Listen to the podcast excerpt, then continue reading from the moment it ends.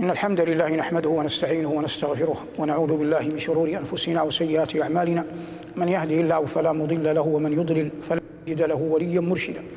وأشهد أن لا إله إلا الله وحده لا شريك له. وأشهد أن سيدنا ونبينا محمدا عبده ورسوله. صلى الله عليه وعلى آله وأصحابه وعلى سائر من اقتفى أثره واتبع هديه بإحسان إلى يوم الدين وبعد. فنحن بحمد الله تعالى في هذا الجامع المبارك جامع الشاب عبد الله السويدان في مدينة الخبر من بلادنا الغالية نستأنف دروس التفسير. ولقاء اليوم عنوانه إنك أنت الوهاب. الله عز وجل كما تعلم أيها المبارك له الأسماء الحسنى والصفات العليا وقال جل شأنه ولله الأسماء الحسنى فادعوه بها. واسم الوهاب اسم عظيم من أسماء الله. ولفظ وهب في اللغة يعني تمليكك الشيء لغيرك من غير عوض. تمليكك الشيء لغيرك من غير من غير عوض. والله عز وجل هو الوهاب الحق. وهذا الاسم الكريم ورد في القرآن في مواضع ثلاث. في سورة آل عمران ومرتين في سورة صاد. قال الله عز وجل في سورة آل عمران ربنا لا تزغ قلوبنا بعد إذ هديتنا وهب لنا من لدنك رحمة إنك أنت الوهاب. وقال جل وعلا في سورة صاد أم عندهم خزائن رحمة ربك العزيز الوهاب. وقال جل وعلا في صاد قال رب اغفر لي وهب لي ملكا لا ينبغي لأحد من بعدي إنك أنت الوهاب. هذه المواضع التي ورد فيها ذكر اسم الله الوهاب في كتاب الله الكريم. الآن نأتي للفعل في غير هذه. هذا ثم نعود لهذه الثلاثة. الله عز وجل من على موسى بقوله ووهبنا له من رحمتنا أخاه هارون نبيا. فالله عز وجل وهب موسى أخا ناصحا وعبدا صالحا ونبيا يدعو, مع يدعو إلى الله جل وعلا معه. وقال الله عز وجل حكاية عن خليله إبراهيم الحمد لله الذي وهب لي على الكبر إسماعيل وإسحاق. وإسماعيل من من هاجر. وإسحاق من من سارة وإسماعيل نشأ في مكة وإسحاق نشأ في في الشام. الحمد لله الذي وهب لي على الكبر إسماعيل وإسحاق. وقال جل وعلا في قضية أنه يهب لما يشاء ذكر عباده الصالحين. فقال جل وعلا في خواتيم سورة الفرقان في ذكر عباد الرحمن قال وعباد الرحمن الذين يمشون على الأرض هونا ثم ذكر تباعا بعض صفاتهم. حتى قال وهو أصدق القائلين أنهم يدعون ربهم قائلين والذين يقولون ربنا هب لنا من أزواجنا وذرياتنا قرة أعين واجعلنا للمتقين إماما. قرة أعين الأعين معنى قرة أعين يعني سرت وسكنت ورضيت. وقد جاء هذا اللفظ قرة أعين في القرآن كثيرا. ذكره الله عز وجل في نبأ آسيا بنت مزاحم. لما رأت موسى ألقى الله عز وجل حب موسى في قلبها. قالت قرة عين لي ولك لا تقتلوه عسى أن ينفعنا. فقبلته فكان سببا في نجاتها من النار. والله عز وجل ذكرها في الخالدات الباقيات ذكرى. قال ربنا في خواتيم سورة التحريم أنها قالت رب ابن لي عندك بيتا في الجنة ونجني من فرعون وعمله ونجني من القوم الظالمين. ولم يسعد فرعون به فكان هلاكه على يد موسى.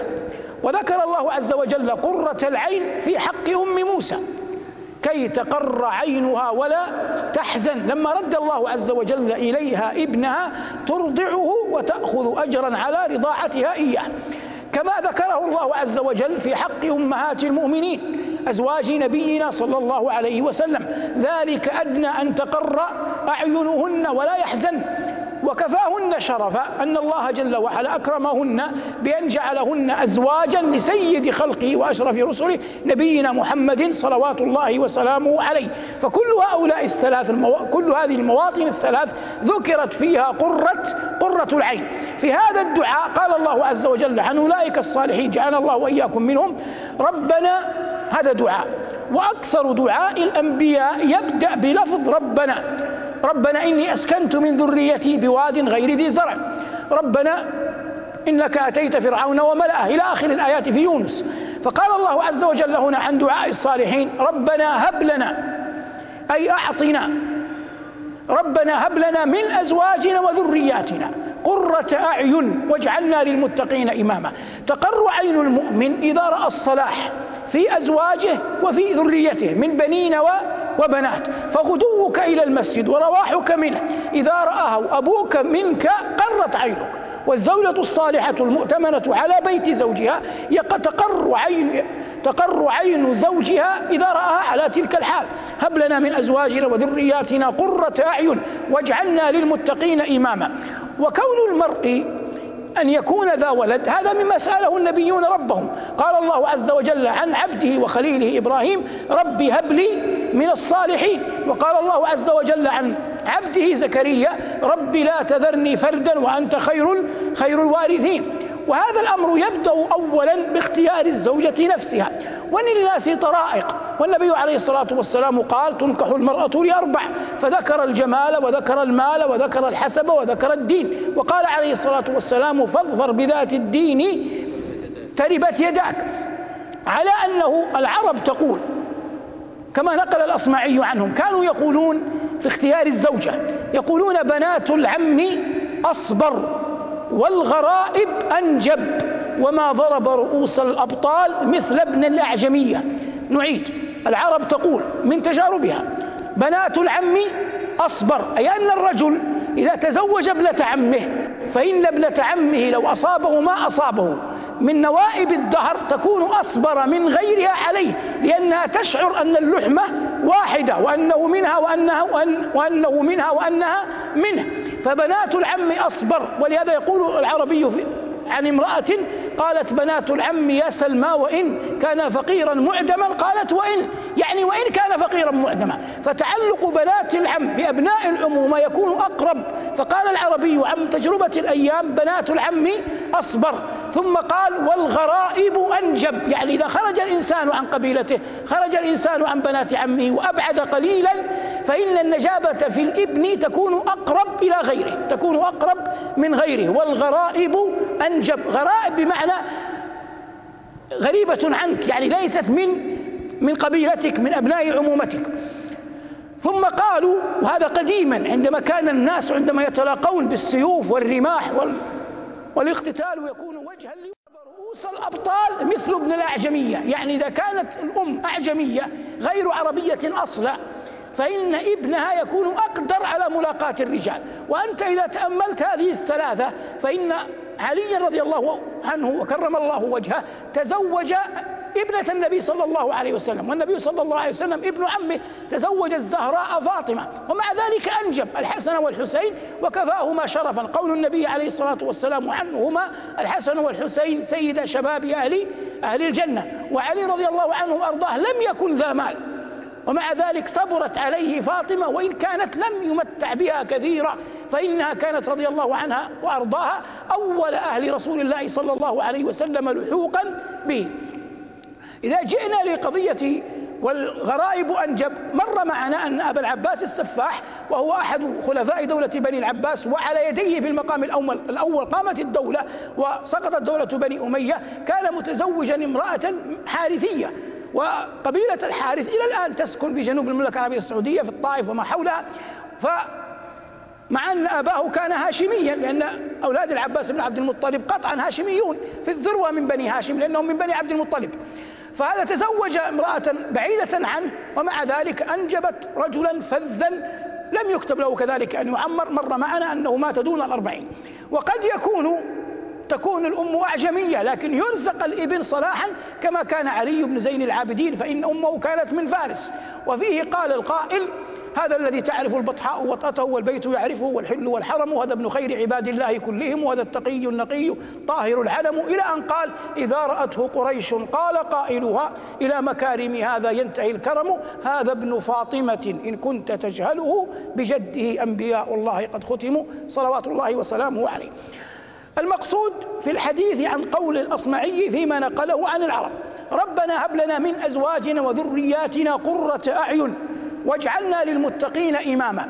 الله عز وجل لما ذكر الأزواج ذكر الذرية قال والذين آمنوا واتبعتهم ذريتهم بإيمان ألحقنا بهم ذريتهم وما ألتناهم من عملهم من شيء كل امرئ بما كسب رهين. ولا ريب أن من أعظم ما يرغبه المؤمن لنفسه ولأهل بيته أن يجتمع معهم في الجنة فإذا كان الإنسان يجتمع في الجنة مع جلسائه في الدنيا والله عز وجل يقول عنهم وأقبل بعضهم على بعض يتساءلون قالوا إنا كنا قبل أي في الدنيا في أهلنا مشفقين فمن الله علينا ووقانا عذاب السموم إنا كنا من قبل ندعوه إنه هو البر الرحيم. الإنسان المؤمن خلطاؤه أصحابه رفقاؤه يتذاكرون مجالسهم في الدنيا التي في الدنيا يتذاكرونها أين؟ في الجنة. ولو أنك الآن وأنت تراني أو تسمعني أو أنتم الذين معي لو رجعت بذاكرتك كم من صديق وأخ ذهبت ويدك في يده إلى الصلاة سويا لا تذكران إلا الله.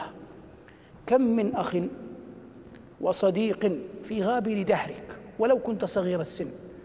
مكثت أنت وهو صائمين تفطران على رطب تذكران الله وتسم تذكران اسم الله قبل أن تفطر تسمعان الأذان.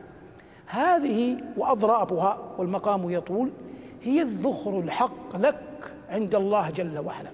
هو الذي يحب المؤمن يوم القيامة أن يتذكره لن يفرح المؤمن بمجلس لغو ولا لهو ولا مجون ولا عبث ولا كأس خمر ولا يد غانية. هذا يتمنى الإنسان أن يتخلص منه لو وقع فيه قبل أن يموت. لكن تلك المواقف مجلسكم الآن ليس منكم من هو خال شغل قطعا. تركتم الدور تركتم الأهل وأتيتم إلى بيت من بيوت الله. ليس الذي يحدثكم يوزع مالا. إنما يذكر لكم غيبا موعودا.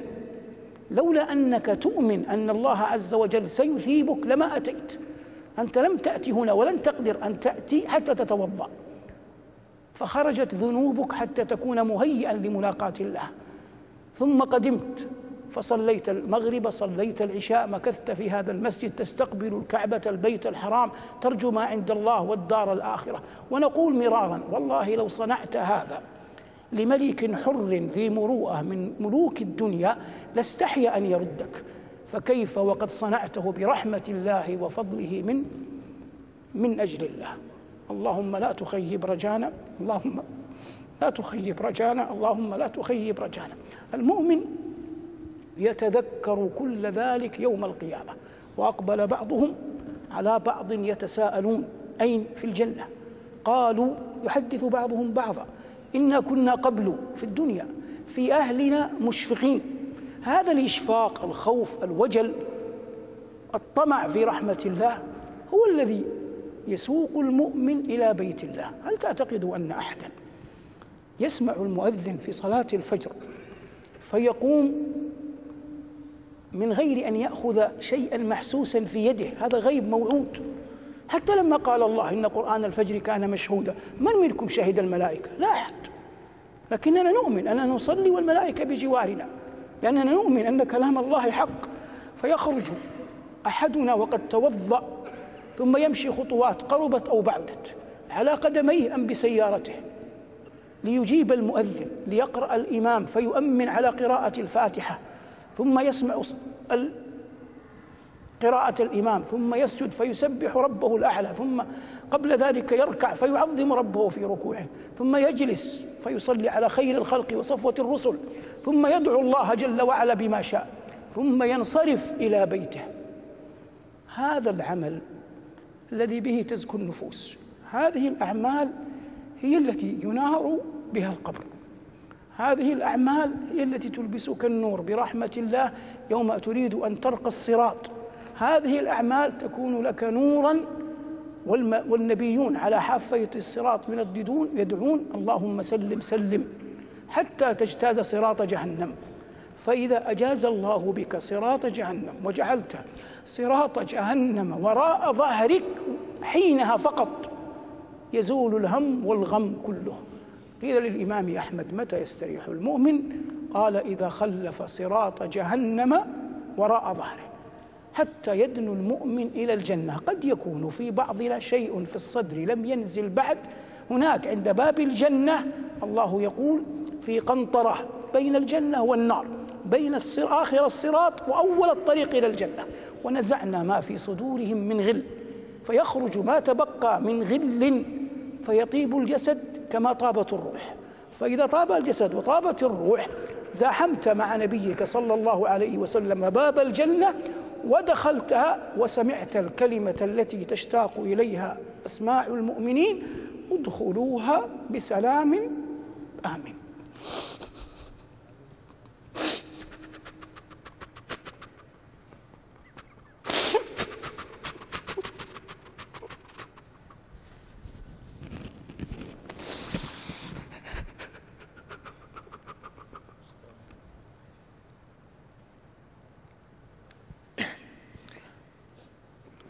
كنا نتحدث عما يفيء الله عز وجل به على بعض عباده في قول الله عز وجل وأقبل بعضهم على بعض يتساءلون ونتحدث عن اسم الله الوهاب. نفي الآن إلى الآيات التي ذكرناها في الأول. قلنا الآية الأولى في آل عمران ربنا لا تزغ قلوبنا بعد إذ هديتنا. أم سلمة أم المؤمنين رضي الله عنها وأرضاها تزوجها النبي صلى الله عليه وسلم بعد وفاة زوجه أبي سلمة. قالت يا رسول الله ما أكثر دعاءك أن تقول يا مقلب القلوب ثبت قلبي على دينك. فقال مجيبا لها يا أم سلمة إنه ما من قلب من قلوب بني آدم إلا وهي بين أصبعين من أصابع الرحمن. فمن شاء أقامه ومن شاء أزاق. من شاء قامه ومن شاء أزاق. نقول كما علمنا نبينا اللهم يا مقلب القلوب ثبت قلوبنا على دينك. اللهم يا مقلب القلوب ثبت قلوبنا على دينك. اللهم يا مقلب القلوب ثبت قلوبنا على دينك. أما الآية في سورة صاد فإن معناها أم عندهم خزائن رحمة ربك العزيز الوهاب؟ أي هل يملكون خزائن الله حتى يمنعوا نبوتك يا محمد؟ وأما الآية الأخرى فإن الله ذكر فيها نبيه سليمان وكيف توسل إلى ربه أن يهب له ملكا لم لا ينبغي لأحد من بعده وقد أتاه الله مناه وأعطاه الله عز وجل سؤله ولله الحكمة البالغة والحجة على عباده أجمعين والعلم عند الله وصلى الله على محمد وآله والحمد لله رب العالمين.